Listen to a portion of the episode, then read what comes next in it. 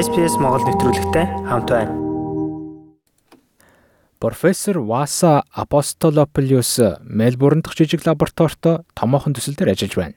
Викторио их сургуулийг дархлаа судлаар төгссөн тэрээр вирус хорт хавдрын эсрэг вакцин бүтээх ажилда олон 10 жилээ зориулсан бөгөөд одоо COVID-19 эсрэг вакцин бүтээх ажил хүч нэмээд байна. Миний хувьд судалгааны ажилд их дуртай.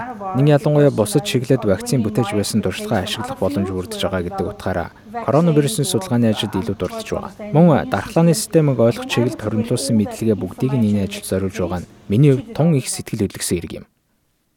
Профессор Апостолополиусын хувьд дэлхийн дэг журмыг багж чадахгүй хэвийн байдалд нь буцаах арга замыг олоход өөрийн мэрэгжлийн туршлагаа ашиглаж буй олон эрдэмтдийн нэг юм.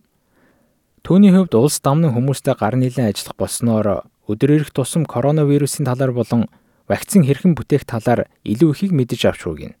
What is the vaccine? The vaccine is a bit uh, is a little bit of the Вакцин гэж юу вэ? Энэ бол маш бага хэмжээтэй вирус юм. Энэ нь нийлэг чанартай, эсвэл уурга, эсвэл хүн талдварлах боломжгүй, идэвхгүй төлөвт орсон вирус гээд эдгээрээ аль нь ч байж болно. Хамгийн гол нь хүн харж чадах хэмжээнд байх хэрэгтэй бөгөөд дархлааны системийг өдөөж өгснөөр бид юу хөгжүүлэх хэрэгтэй вэ гэдгийг олж мэднэ.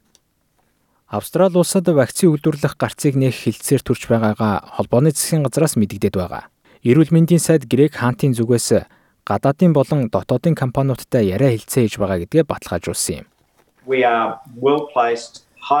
Бидний хувьд давуу байдал байгаа. Маш агсан төвчний хэлцээр шилжсэн. Миний хувьд вакцины хитийн төлөвт анх удаага маш болгоомжтой бөгөөд чин сэтгэлээсээ эерэг мэдрэмжтэй байгаа. Хятад, Америк нэгдсэн улс болон Европын хэд хэдэн орнууд туршилтын шатны хэд хэдэн сая тонн вакцин захиалаад байгаа. Австрали улс аль эрт хөдлөх ёстой байсан гэж сөргөчний эрүүл мэндийн сайд Крис Бауны мэдэгдээд байна.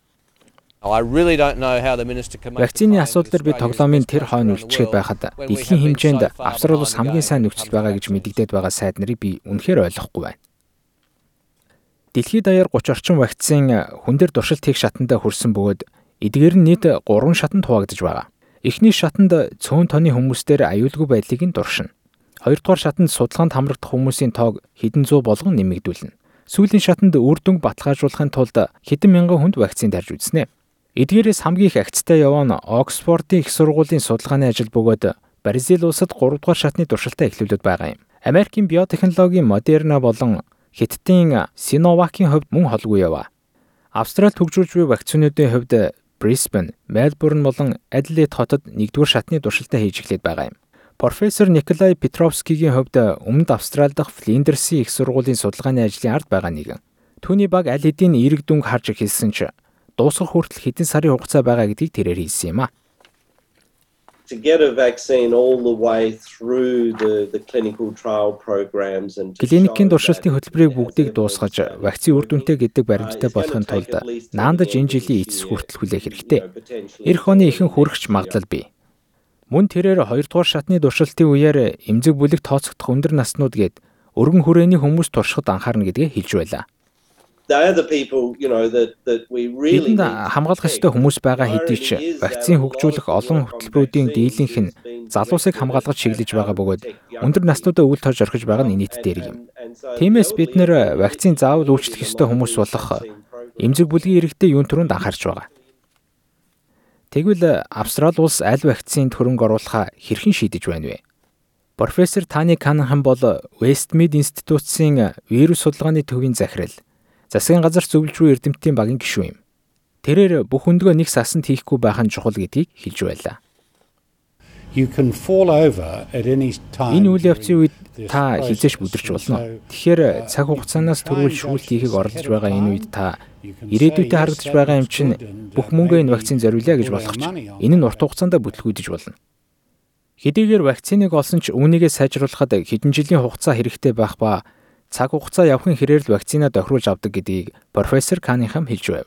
Мөн тэрээр зах зээл гаргахаасаа урьдчилж шаардлагатай туршилтуудыг хийх нь вакцин бүтээх ажлын амин чухал хэсэг гэдгийг онцолж байлаа.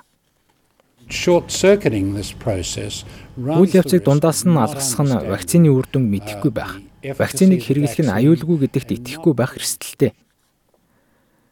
Бүх шаардлагатай алхмуудыг хийсэн ч энэ нь хамгийн богино хугацаанд үйлдвэрсэн вакцин байх гин.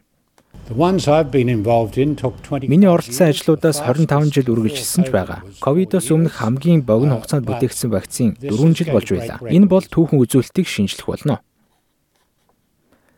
Хэрв та коронавирусын талаарх цаг үеийн мэдээллийг монгол хэл дээр унших хүсвэл SBS.com цэг.eu ташуу зураас коронавирус гэсэн хаягаар зочлоорой. Үүнтэй адилхан бусад нэвтрүүлгийг сонсомоор байна уу? Apple Podcast, Google Podcast, Spotify эсвэл та өөрийнхөө сонсдог апп ашиглан манай нэвтрүүлэгтэй хавд байгаарай.